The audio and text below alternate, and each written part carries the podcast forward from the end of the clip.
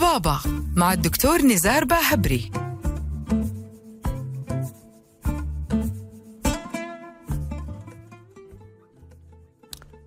السلام عليكم ورحمة الله وبركاته. بسم الله الرحمن الرحيم والصلاة والسلام على رسول الله. رب اشرح لي صدري ويسر أمري واحلل عقدة من لساني يفقه قولي. أسعد الله مساءكم بعد يوم عطلة عن البرنامج أفتقدناكم بشكل جدا كبير. لكل اليوم جالسين في بيوتهم الله يحرسهم. لكل اللي مرتاحين اليوم في يوم إجازة ولكل العاملين الله يعطيهم العافية اللي كانوا شغالين الصباح والآن راجعين لبيوتهم لكل اللي يسمعنا عن طريق إذاعة ألف ألف إف إم وكل اللي شايفنا live عن طريق حسابي في تويتر أو اللي شايفيننا live كمان live stream على قناه اليوتيوب لألف ألف أف إم. حياكم الله. تقبل الله طاعاتكم. يوم سعيد في يوم التغيير. في شهر إحنا الآن من بدايته أصبحنا بنحس إحساس مختلف. بدأنا كلنا شوق انه كل يوم نقوم بكرة نلاقي نفسنا بإذن الله. أتطورنا وصرنا أحسن. للناس اللي كانت بتجوع في البداية إن شاء الله خف جوعكم وللناس اللي كانت بتتأثر من الدخان إن شاء الله. خف تأثيركم. بإذن الله إحنا أصبحنا إلى الله. إن شاء الله ننوي كل يوم بإذن الله إنها تقبل أعمالنا. اليوم جايب لكم موضوع تماما مختلف. أنا أتحدى أي واحد من اللي بيسمعنا الآن يكون أصلا متوقع إيش راح نتكلم ولا يكون مر بخاطره كثير من الأشياء إلا إنها هذه المواقف.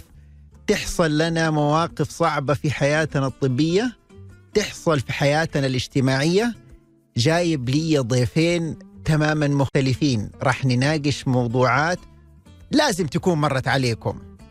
اولا ضيفي وضيف كل المملكة من سلطنة عمان. الدكتور هاني القاضي هو جراح آه، بالبورد الكندي والأمريكي. آه، جراح من أكبر الجراحين اللي موجودين في سلطنة عمان. آه، صديق عزيز جاء ضيف للمملكة هذا الأسبوع. آه، هو شخص مت يعني متمرس. وكمان عنده نقطة إنه التخصص الدقيق حقه في الجراحة في الحوادث فهو يقابل كثير من المواقف اللي راح نتكلم عليها الآن في هذه الحلقة بإذن الله. وأبدا لا ت... يعني الحلقة ما راح تقل أبدا بأي حال من الأحوال. يعني تكون جمال بوجود نسرين يعقوب نسرين هي أستاذة في العلوم السل- السلوكية. ومدربة سلوكية وأصلحت من كثير من المشاعر اللي موجودة أظن في مدينة جدة إن لم يكن في كل. كل المملكة. آه أخت وغالية متدربة ومتمرسة كثير آه، يعني رجعت لها في كثير من الأوقات. الله يعطيها العافية. اليوم بإذن الله حنناقش مواضيع جدا حساسة. أسألكم حقيقة في البداية لو إنك رحت لدكتور وقام قال لك أنا راح أدي لك هذا العلاج وإن شاء الله بإذن الله راح تصير أحسن فالناس ينقسموا إلى قسمين قسم يقول طيب يا دكتور إيش الأعراض الجانبية حقته؟ وقسم يقول طيب شكرا وياخذه ويروح. القسم هذا اللي يقول إيش الأعراض الجانبية حقته؟ ينقسم إلى قسمين. قسم إذا قلت له والله شوفوا هذا المضاد حقيقة يعني 10% من البشر يحصل لهم غثيان وتطريش. يقول يا الله يا الله غثيان والله باين حيصير.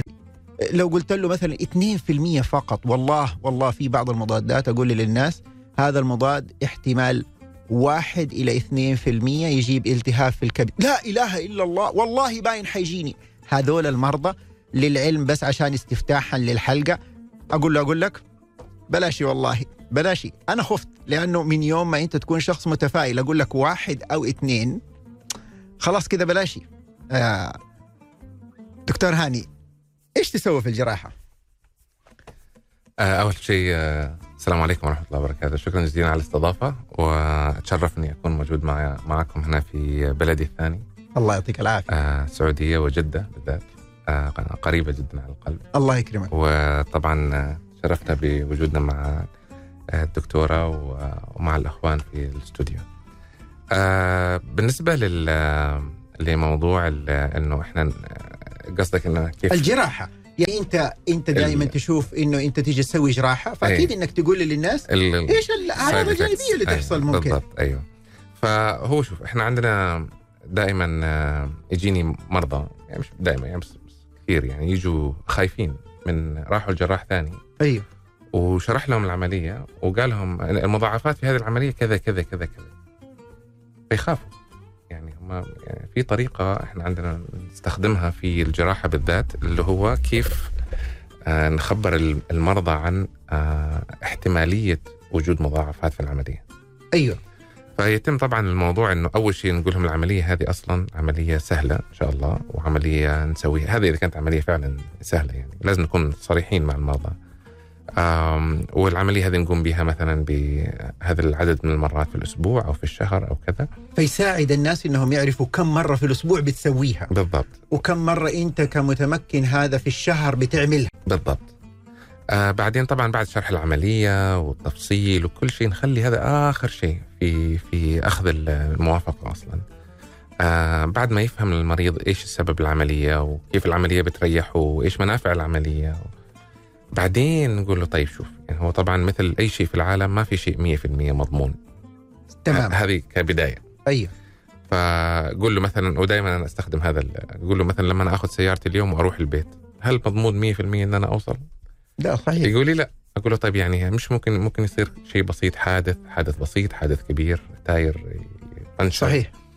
يقول لي أيوه. أقول له طيب هو كذا مثل العمليات الجراحية. دائما هي معظمها تتم بدون مشاكل لكن في احتمالية بسيطة إنه يكون في مضاعفات. تمام. فيبدأ يسأل طب إيش هي الاحتمال المضاعفة؟ أقول له في احتمال مضاعفات.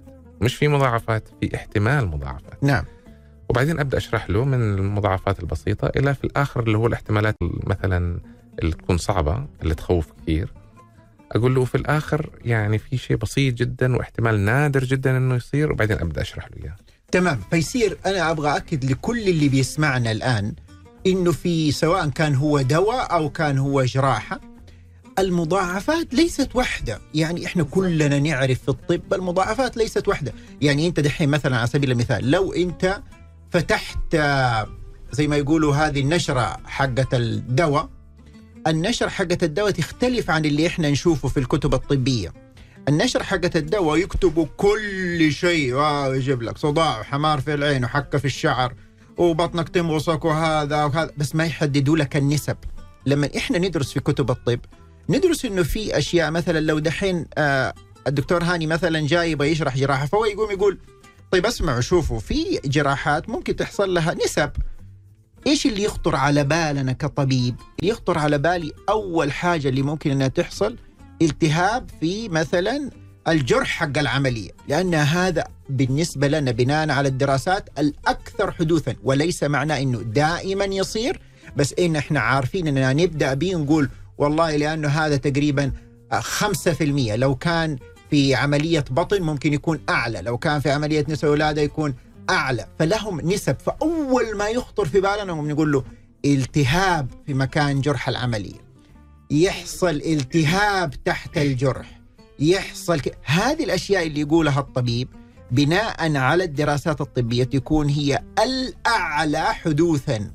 لكن بعدين يرجع يقول له؟ شوف ونادرا يحصل كذا وكذا وكذا. فإذا أنت كنت من الآن شخص بس فهمت مني هذه النقطة لازم تنتبه دائما لما يقول لك في أعراض جانبية لهذا الدواء اللي يخطر على بال الطبيب دائما واللي بيركز عليه هو الشيء اللي كثير يمكن إنه يحصل.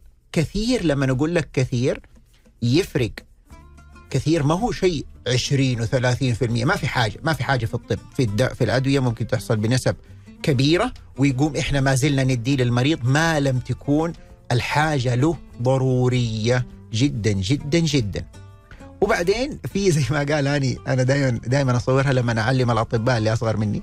في في فرق. أنا دحين ممكن أنا كل واحد بيسمعني. الدواء هذا إذا أنت اخذت هذا المضاد في نسبة حدوث 4% إنه يجي لك ألم في البطن. أقدر أقول لك إذا أخذت هذا الدواء 4% ممكن يجي لك ألم في في في البطن. وأقدر أقول لك إذا أخذت هذا الدواء بس 4% يجي لبعض الناس ألم في البطن. هي نفس النسبة نفس الكلام مم. نفس الشيء بس. كيف أيوة. أنا قلتها أيوه فاللي يبين ما بين دكتور ودكتور ليش يقولوا هذا الدكتور إحنا ارتحنا له ورحنا سوينا معاه واحد هو أصلا طريقته في الكلام ما هي سهلة لدرجة إنه والله يكون ممكن طبيب بلغ المريض سواء بتشخيص أو علاج يدمر المريض بالطريقة اللي قالها مع إنها شوف دوبي أنا قلت أربعة.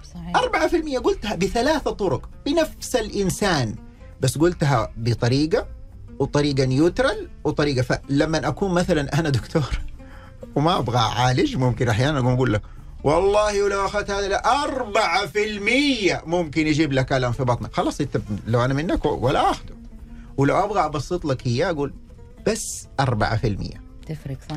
إحنا الآن لازم نتعلم. أنت كمريض لازم تكون تقرأ الدكتور اللي قدامك وتنتبه إنه مو كل دكتور زي بعضه وتنتبه إنه النشرة حقت الدواء مو كل اللي مكتوب فيها بنفس نسب الحدوث. أيوه لأنه نحن البشر ترى بنتعامل مع الأشياء بكانها مسلمات. نعم صحيح. أيوة. وإحنا حنخرج فاصل ونرجع مع نسرين تقول لنا كيف أنا كإنسان المفروض إني أتعامل مع هذه الأرقام؟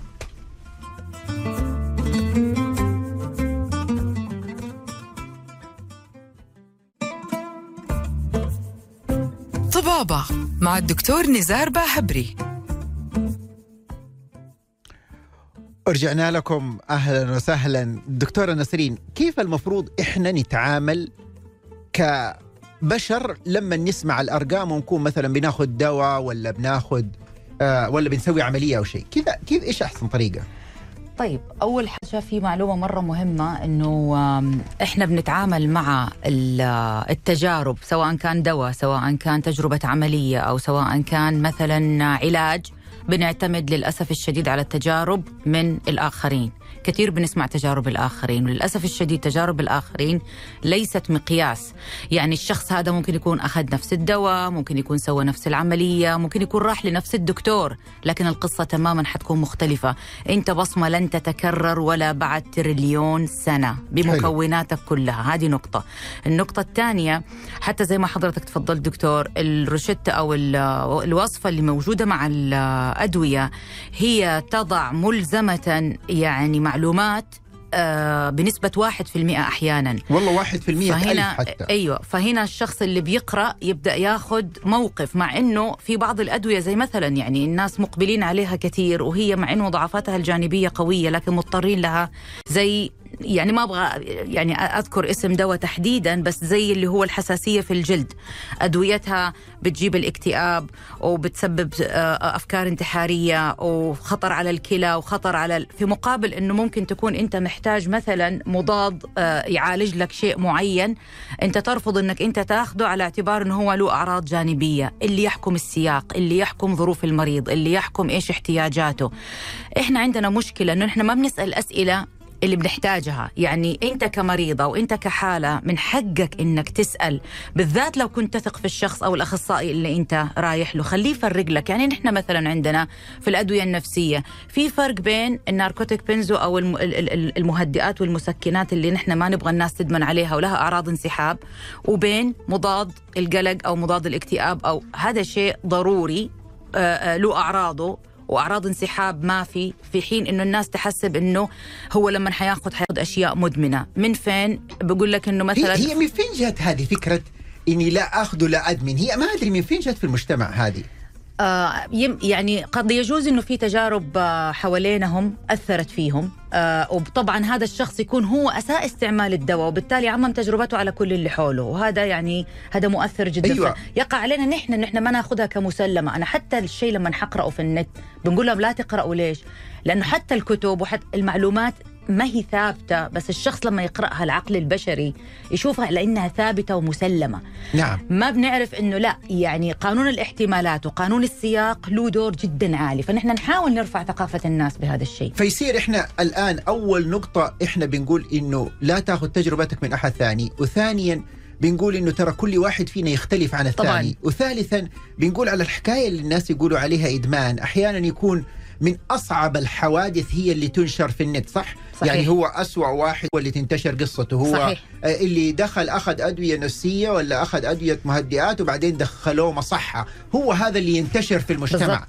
بس كل الناس اللي أخذوا الأدوية وقطعوها بعد كم شهر ما صارت لهم هذا يحدث نفس الحكاية يا هاني في الجراحة آه، آه، الناس تتناقل صورة جدا سيئة عن عملية أو عن دكتور مع إنه بالضبط. يكون سوى حاجة تانية مختلفة آه هو كمان يعني هو آه في الناحيتين كمان. يعني في بعض ال- مثلا الدعايات إنه هذا آمن 100% أو مثلا عن طريق السوشيال ميديا الحين نشوف أيوة. كثير دعايات لعيادات والعمليات. وهذا الدكتور ما 100% ما عنده مشاكل. يعني حتى كمان عندنا يعني نسبة نسبة يعني معينة من الناس تسافر برا. أيوه. تروح دول مجاورة آه، آسيوية ولا أوروبية.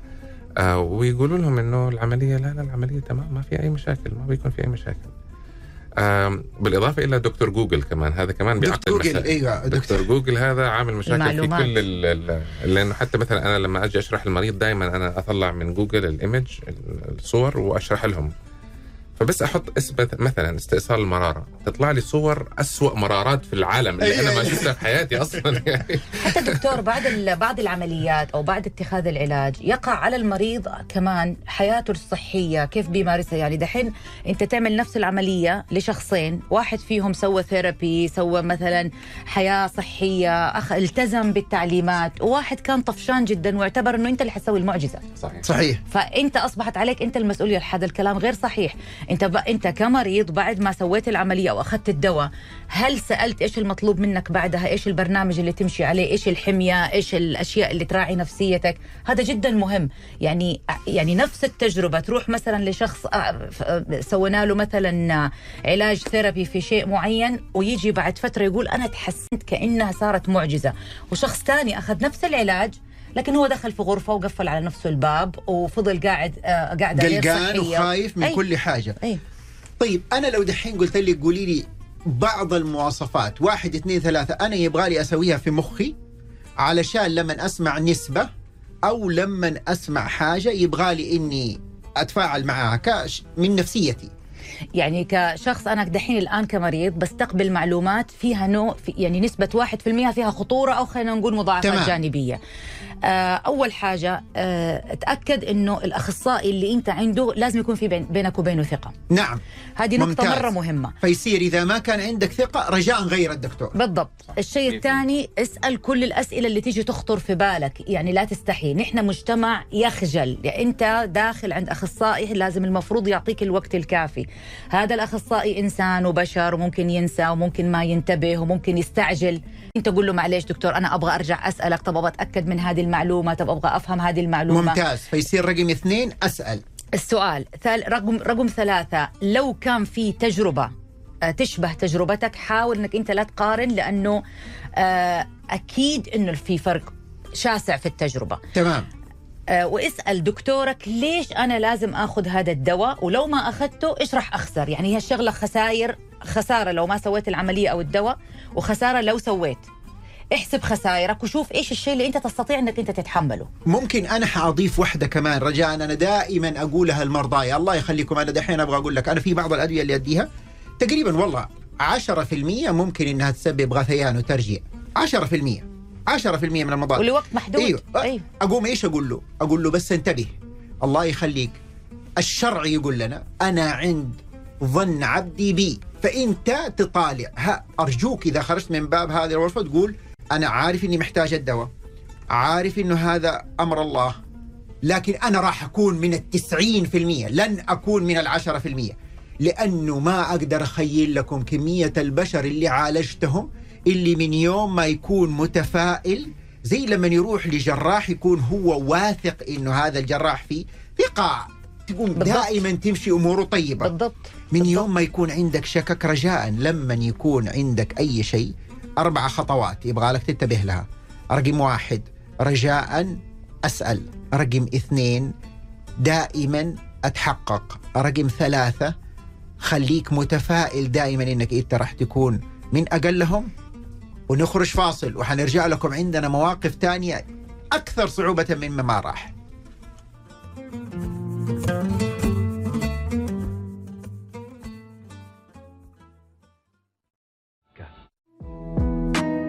مستشفى الدكتور سمير عباس رعاية تنبض حبه. للاستفسار 900 12525 طبابة مع الدكتور نزار باهبري. ورجعنا لكم وراح ننتقل من مسألة عملية بسيطة ومسألة دواء بسيط دواء معقد كيف تتعامل مع الأعراض الجانبية إلى الدكتور هاني أنت تتعرض لمرضى يجوا للحوادث أو للطوارئ يحتاجوا عملية تكون أصلا الوضع جدا الخبر سيء على كثير من من المناحي في في الجسد. أذكر لنا كذا مثلا قصة وكيفية التعامل مع الخبر هذا اللي جدا صعب على المريض قرار صعب على المريض وعلى أهل المريض وعلى كل شيء. هو في بالنسبة لجراحة الحوادث في كثير من الحالات يعني معظم الحالات اللي نأخذها للعمليات ما نأخذ كونسنت ما نأخذ آه، أول شيء هذه أنتم عمليات الحوادث ما تأخذوا عليها لا، إقرار إنه ما في وقت. ما في وقت. ما في وقت أيوه. لكن ال- الحالات الصعبة اللي نأخذها وكذا تكون أكثر شيء في العمليات اللي هي الجراحية ال- الجراحة العامة يعني. نعم. آه. لكن الحوادث. آه، الحوادث أكثر شيء إحنا نتكلم مع أهل المريض بعد العملية. قل لي إيش اللي يحصل؟ أوصف لي مثلا. طبعا مهم جدا مثلا مثلا آه، أتذكر مرة كان عندنا مريض في كندا كان جاي عنده آه، عشر رصاصات مضروب عشر رصاصات. في البطن. وأخذناه على وجه السرعة لأنه خلاص حياة أو موت. وتقريبا قعدنا في العملية يمكن يمكن ساعتين ونص تقريبا. ومهم انقذنا حياته. المشكلة ورصاصة من الرصاصات هذه آه، مرت من آه، خلال العمود الفقري. فأصبح آه، مشلول من الوسط. تمام. آه، بخلاف طبعا الامعاء ولا إيش الامعاء طبعا إصابات فيها لكن هذا لو صلحناه. لكن يعني رحنا نتكلم أهل المريض. آه، سؤال الحين كيف أنت تخبرهم أيوه. ال- ال- المصيبة؟ طبعا لازم تكون مهم جدا إنه يكون أكبر واحد في الفريق موجود في ل ل ما يروح أحد من الخبر. المساعدين يروح الاستشاري وأكثر بالضبط. واحد خبرة بالضبط وهو الدكتور المسؤول عن العملية نعم. هو مهم جدا بعدين يهم- مهم جدا تكون موجود في مكان مهيأ لأنه تقدر تتكلم وبهدوء ما مش كل واحد يدخل عليك أو أيوه في ناس يعني جالسة في ناس حواليك للأسف الشديد الآن بتضطر إنهم يبلغوهم هذه الأشياء في الممر حق هذا أيوة. شيء جدا خطا بالضبط حتى لو إيش يعني مهم جدا أن تأخذهم في مكان هادئ حتى لو حتى غرفة آه، محاضرات.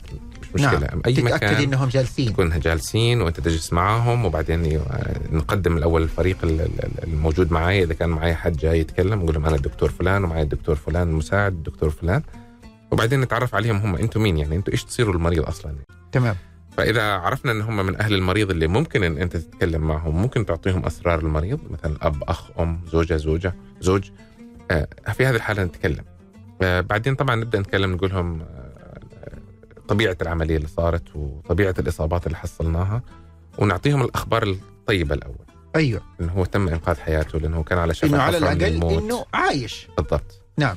آه الشيء الثاني بعدين نبدأ نقول لهم الأشياء اللي إحنا يعني اللي هي الأخبار السيئة. آه طبعا آه، اذا لازم نكون متأكدين 100% من التشخيص. يعني ما أقدر أروح أقول لهم إنه هو جاله شلل وهو لسه ما صحي من البنج. من البنج. ما نعرف إحنا.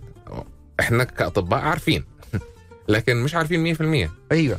فبالتالي هذه نأجلها لبعدين. لا تتسرع وتقول حاجة نتسرع. أنت ما أنت متأكد منها. بالضبط. يعني مثلا في عملية أخرى غير غير الحوادث مثلا لو عملية مثلا لو شلنا رحنا شلنا ورم مثلا. أيوه. وإحنا ما, ما مش ماخذين خزعة مش ماخذين عينه انه هو ورم سرطاني ولا ما سرطاني ما نعرف.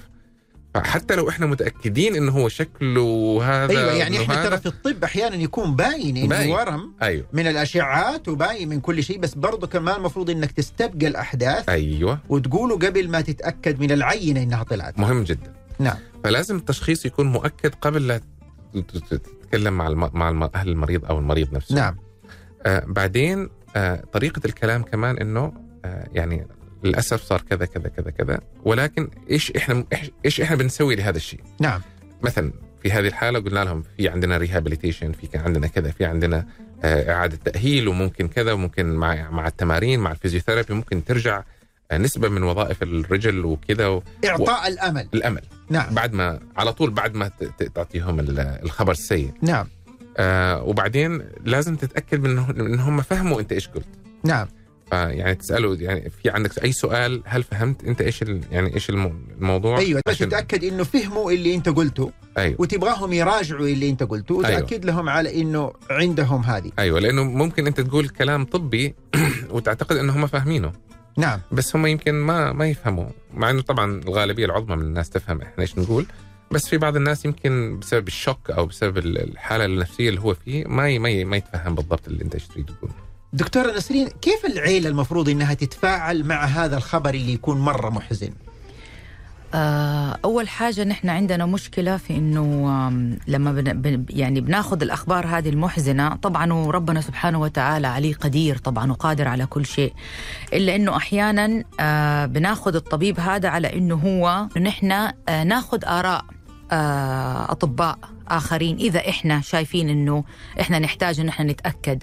آه، من حقنا ومن ونتعاطى مع ال- ال- التقارير الطبية على إنها أرقام في النهاية. هي فاكت يعني هي هي حقائق. وفي النهاية نبدأ نستوعب كيف ممكن نتقبلها. إحنا كثير بنتعب مع آه، أهالي مرضى آه، المرضى الأمراض المزمنة اللي هم مش المريض نفسه أهله.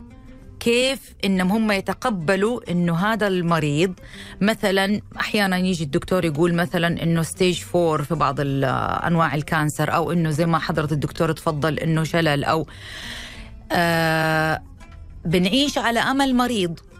وإحنا هنا بنقول إنه بيصير في حالة من عدم التق... ال- ال- التكيف وبيصير في حالة من الرفض. الإنكار أول مشكلة بنحاول نعالج الناس نفسها من... نفسيا منها عشان التقبل والاعتراف حيساعدهم على التكيف الأسرع عشان يرفعوا ال quality of life عشان يس... يعني يست... يستخدموا الأيام اللي باقية للمريض أو لطريقة الحياة المتاحة للمريض وما هو ممكن بشكل أفضل. ال- طابع السيطرة من أهالي المريض من باب الحب أنا أشوفه من النوع الأناني جدا. أيوه أنا أبغى أكد دحين أبغى أقول على بعض الأشياء كل واحد فيكم كذا يتداخل معي ويقول لي على بعض الأشياء لما أنت تروح تزور مريض ويكون الوضع حقه صعب حقيقة أبغى أقول لكم على بعض الأشياء. أول شيء أنا راح أقول على حاجة. رجاء الله يخليك إذا أنت كنت أنت من أهله أنت اللي حساس. رجاء الله يخليك. أول ما تدخل لا تكون أنت البكاي أول ما يشوفك تقوم تبكي. رجاء أنت؟ لا تجي. بيضعف لا لا, لا تروح. إيه إيه أنت رجاء لا تروح. إيه إيه مو معقولة أول ما تدخل له تبكي لأنك أنت دمرته لا حقيقة دمرته. أنا دائما أقول الشخص اللي يكون جدا عاطفي بلاش هو اللي يجلس لأنه حقيقة ما بيخدم المريض بأي حال من الأحوال. زائد دكتور أنه لا ينصح. أيوة. لأنه يعني آه، آه، كثير إحنا عندنا بيجوا حالات مثلا مرضى كانسر مثلا ال ال ال الأهل بينصحوهم اشرب كذا اعمل طب بيعطل الكيماوي بيعطل العمليات وبيعطل أشياء تانية. زي كمان يعني أحيانا اتخاذ القرار أصلا إنه ياخذ كيماوي أو يعمل عملية. بنقول لهم إنه يعني أكت أنا حقول معلومة. أكثر شيء يندم عليه أهالي مريض متوفى بسبب مرض مزمن انه يقول لك يا ريتنا استثمرنا الثلاث شهور الأخيرة وما ضيعنا وقتنا في إنه كل لا تاكل اشرب لا تشرب وسمعنا الكلام خلافات وقضينا كثيرة معاه أيوة. كثيرة خلافات بالضبط. على أيوة أيوة. آراء وخلافات علشان بس إحنا بنحرمه من الوقت وإحنا السعيد. بنحرم نفسنا حتى.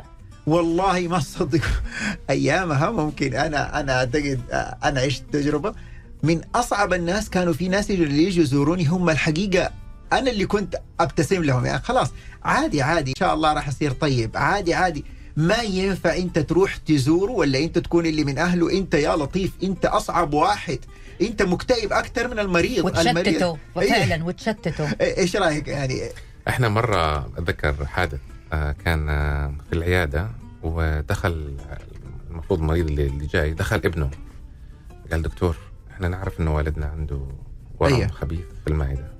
بس رجاء لا تخبره فقلت له ما يصير يعني لازم نخبره بس إحنا لنا طريقة معينة في إن نخبره فقال زين دكتور مش مشكلة المهم دخل هو ووالده كلمنا ومش عارف إيش وكذا وخلصنا فحوصات وطلبنا الفحوصات وكذا وشفت هو كان عامل فحوصات برا خارج أي. عمان يعني.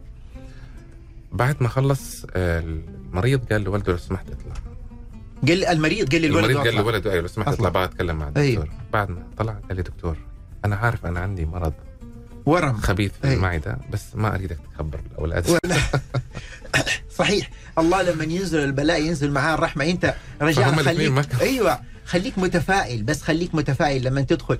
أنا في ناس اللي دخلوا لي آه يعني أيام ماني تعبان وفي ناس إلى الآن يدخلوا للمرضى إلى الآن يدخلوا للمرضى يقوموا يقولوا والله يا ابن الحلال إنك ما تعرف إنه والله عشرة عشرة صار لهم نفس هذه العملية ويا لطيفة توفوا. لا حول ولا قوة إلا بالله. فإنت ربنا أنجاك. مم. يا إيه، ليش ليش؟ أنت ما عندك أي حكاية ما عندك حكاية تقولها عن مثلا خرجتوا الاثنين أكلتوا سكريم مع بعض؟ يعني ليه ما تفتكر له أي حاجة حلوة؟ والله يا ابن الحلال إنه فضل من الله إنها انقطعت بس واحدة رجل. والله يا ما سمعت ناس انقطعت. اثنين وناس فتحوا لهم في بطنه انت ليش بتقول له ليش بت... دكتور أنت فتحت موضوع يعني أنا أنادي من هذا المنبر أيوه. إنه الفيزيشنز كلهم الأطباء كلهم في كفة يتعاونوا معانا نحن في الجزء النفسي في كفة تانية. أيوه. إحنا مو عندنا مشكلة من المجتمع إنه عنده وصمة. من إنه أنت تجهز الناس لأشياء زي كذا. الأطباء نفسهم أنا أشوف إنه ثقافتهم زي ما حضرتك تفضلت. أيوة. لا يعرفوا يتعاملوا ولا يعرفوا حتى كيف يراعوا نفسيات المرضى. يعني إحنا بنقول حتى إنه المريض اللي يتلقى الخبر المزعج هذا عادي اسمح لنفسك منك أنت تزعل وتبكي و...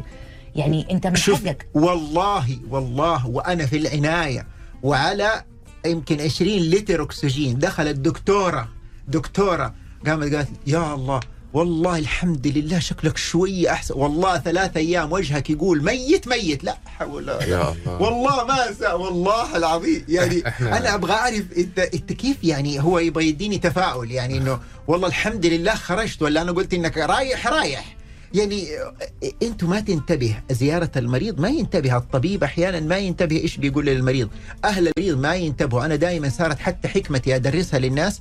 إذا أنت رايح تزور مريض رجاء قبل ما تدخل الغرفة لا تعبس وجهك لا تسوي شيء رجاء حاول تستذكر أي حاجة أي حاجة كانت قصة مفرحة. آه، بينكم قصة حلوة. شيء قدرت تدخل على نفسه الابتسامة. رجاء لا تدخل له وإنت تقول له بس ترى أذكر الله الصبر. ال- هذا أحيانا صحيح. أحيانا إحنا نضغط الناس من كثرة ما نقول لهم أصبر أصبر. وهو يكون صابر. بس إحنا نبغاكم أنتم كمستمعين تصبروا معانا. حنطلع فاصل ونرجع لكم.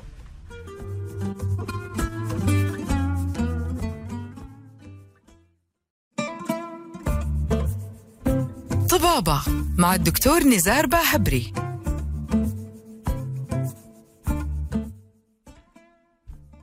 ورجعنا لكم ومع المقطع الأخير هو أصعب شيء نواجهه في المجال الطبي أصعب خبر اللي اسمه آه عدم الإنعاش do not resuscitate DNR آه عدم الإنعاش بكل بساطة بس علشان أوصفه هو فقط لما يكون في مرض عضال لا يرجى بره لا يرجى بره. ويكون الشخص عنده مضاعفات جدا كثيرة والشخص. مقرر إنه أنا ما أبغى. تقول لي للبني آدم أنت عندك غرغرينة في الرجل ترى إحنا لازم نقصها ولا لا؟ سمح الله ممكن تؤدي الوفاة. يقول لك ما تقصها. من حق المريض إنه يحدث زي كذا. فتقوم أو يكون ورم منتشر في كل الانحاء أو يكون عنده مرض جدا متأثر فيه المخ فيقوموا يسووا حاجة إنه إذا فقط توقف القلب أو النسم ما يودوا العناية ولا يسووا له إنعاش يسموها قرار عدم الإنعاش وليس عدم إعطاء الدواء والمضاد ولا لا لا نعطي له كل حاجة فقط ما نعطي له الإنعاش. ففي حكاية إحنا حنحكيها واقعية من عند الدكتورة نسرين. وبعدين نبغى نعلق عليها علشان المجتمع يكون على وعي كيف كعائلة أنت يبغى لك تتعامل وكيف أنت كطبيب يبغى لك تتعامل في الحالات الصعبة اللي هي مرض لا يرجى بره.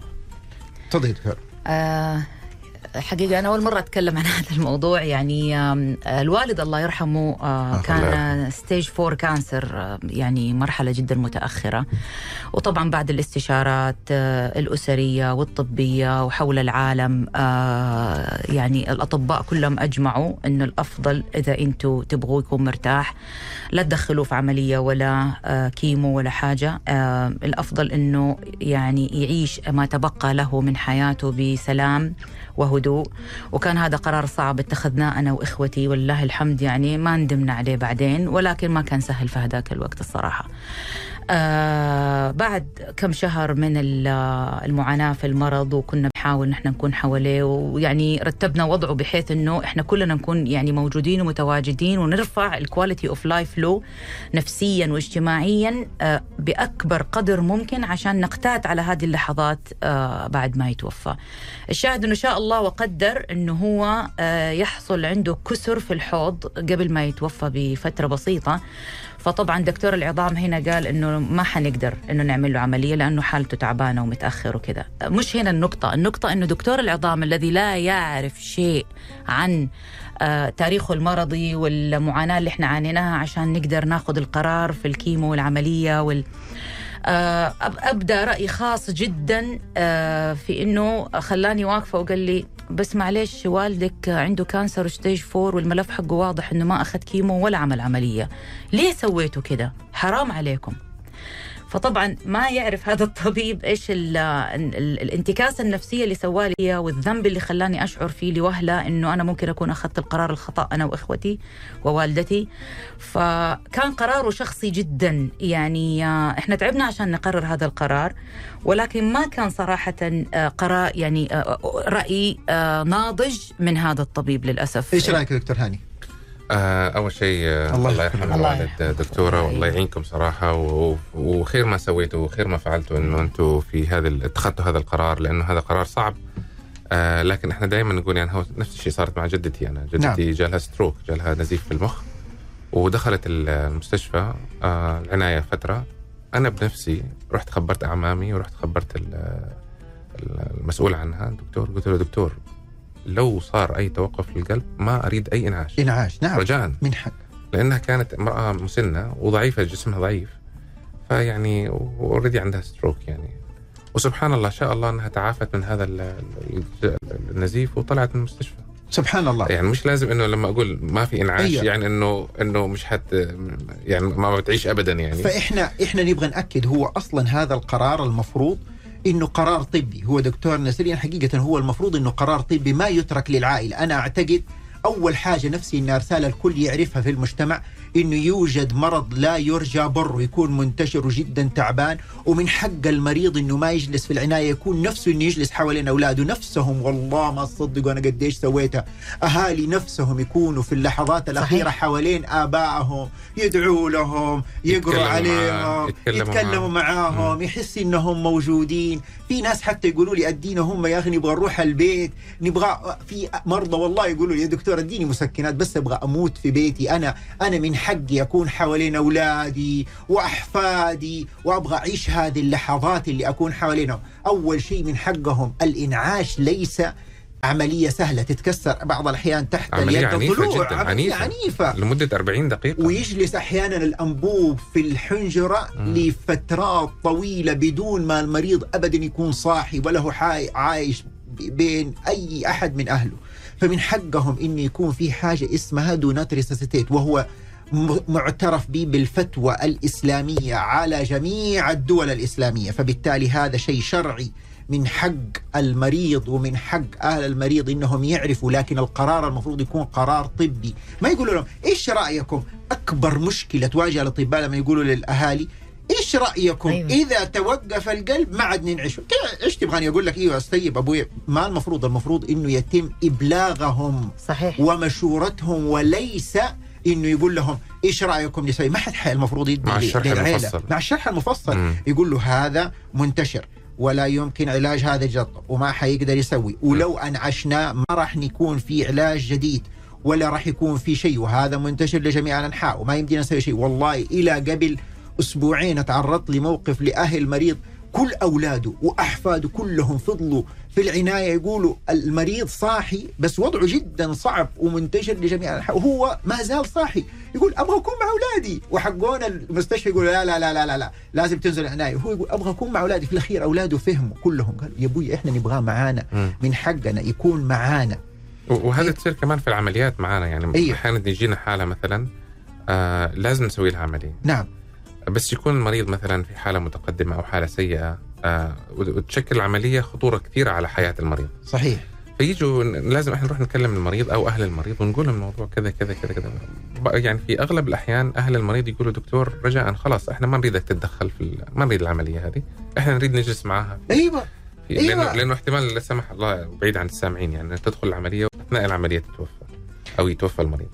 فدائما يقول أهل المريض أو المريض نفسه يقول لا ما طبعا في الحال أغلب الأحيان يكون أهل المريض لأن المريض حالته صعبة والاهل المريض يقول دكتور لا رجاء ما نريد العملية تعرف أنا إيش دحين صرت هذا يعتبر؟ صورة من صورة الدي إن أيوه والله أنت تعرف صرت أقول للمرضى وأنت تعرف أصلا يعني أنتم كلكم الاثنين إحنا لما درسنا يعني برا إيه، أنتوا تعرفوا أنا دحين صرت أقول للمرضى أنا أقول لاهلي حتى والله أهلي أهلي كلهم.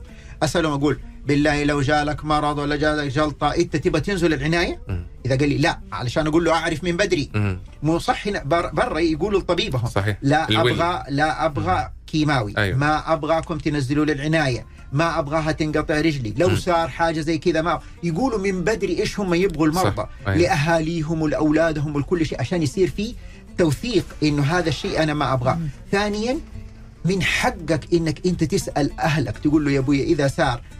أنا في بعض أهلي يقول شوف لو كان اصبعي يتحرك ونزلوني العناية. أبغى أعيش. حتى لو أنا على جهاز أبغى أعيش. وأغلب أهلي قالوا لي يا نزار ما نبغى.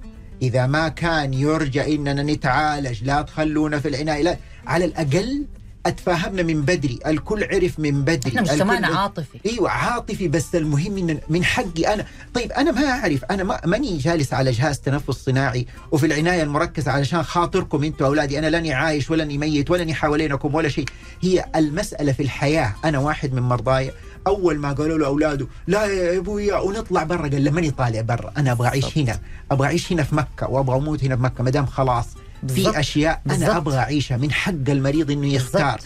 مو إحنا من حقنا اللي اختار المريض الحقيقة لازم الكل يعرف إنه هذا من أصعب المواقف أيوة. أيوة. حلو جدا اننا إحنا نتفاهم مع أهالينا ونقول إذا لا سمح الله صار إحنا ما نبغى نعرف في ناس يقول لك ما أبغاك تشق ما أبغاك تشق في حلقي ما أبغى أعيش في في بعض المرضى الله يكتب لهم الأجر هم وأهاليهم الآن مفتوح له مثلا فتحة في بطنه مفتوح له فتحة في حلقه ومفتوح له فتحة في هذا وما هو داري عن شيء في الحياة وما هو داري يمكن لو كانوا سألوه يمكن قا- قال لهم أنا ما أبغى لو جاتني حاجة زي كذا ما أبغى أسوي هذا كله صحيح. مع إنه كله له أجر لكنه إحنا بس بنضرب مثال إنه اولا رجاء لازم الكل يعرف إنه هذا قرار طبي. صحيح. ومو علشان الطب يقدر يسوي حاجة نسويها لأنه أحيانا يكون هذا مخالف لما يريد المريض.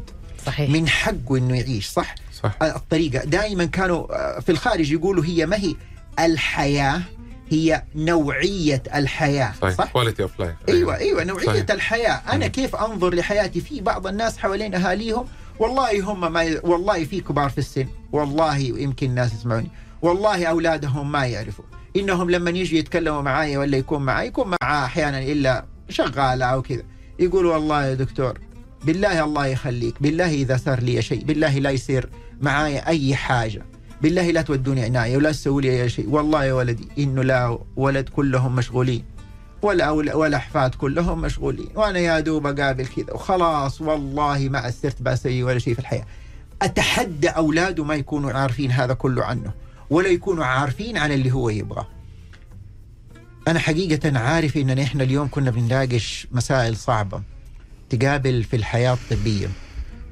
أعرف إنه كل واحد فيكم أتمنى إنه تكون اتعلم على حاجة كيف يتعامل مع هذه المواقف الطبية، إحنا في هذا رمضان نسأل الله العظيم رب العرش العظيم في هذه الساعة المباركة أن يغفر لجميع موتى المسلمين يغفر آمين. لجميع موتانا. إن شاء الله يغفر لجميع آبائنا وأمهاتنا آه، يغفر لجميع الناس اللي الآن بيعانوا من أمراض آه، عضال أمراض كثيرة يغفر لجميع أهاليهم اللي بينتبهوا بينظفوا حوالين أبائهم وأبائهم وبيستحملوهم وبالأمراض اللي كل اللي فيها يغفر لكل واحد الآن عارف أنه بعد الفطور عنده 10 و15 حبة لازم يعرف أنه حتى هذه الحبوب علشان تعالج أمراضك كل واحدة فيهم لما تبلعها أحتسب الأجر العظيم عند الله سبحانه وتعالى. الله يقول حتى الشوكة حتى الحبة إذا نزلت. فلازم تكون فرح وإنت بتبلع عدد حبوبك. أفرح إذا إنت بإذن الله بتنتبه لأحد من أهلك. إذا تعبت ما يهم خلي أحد يجي يساعدك. لازم إنتوا كأهالي نصيحتي بس أتمنى إنها تكون رسالة من هذه الحلقة. رجاء أسأل من تحبوا أسأل من حولكم. هم إذا لا سمح الله صار لهم موقف صعب في الطب إيش يتمنوا؟ أعرفوا يمكن تقدروا ترتاحوا في اتخاذ القرار في الوقت الصعب. سبحانك اللهم وبحمدك أشهد أن لا إله إلا أنت أستغفرك وأتوب إليك.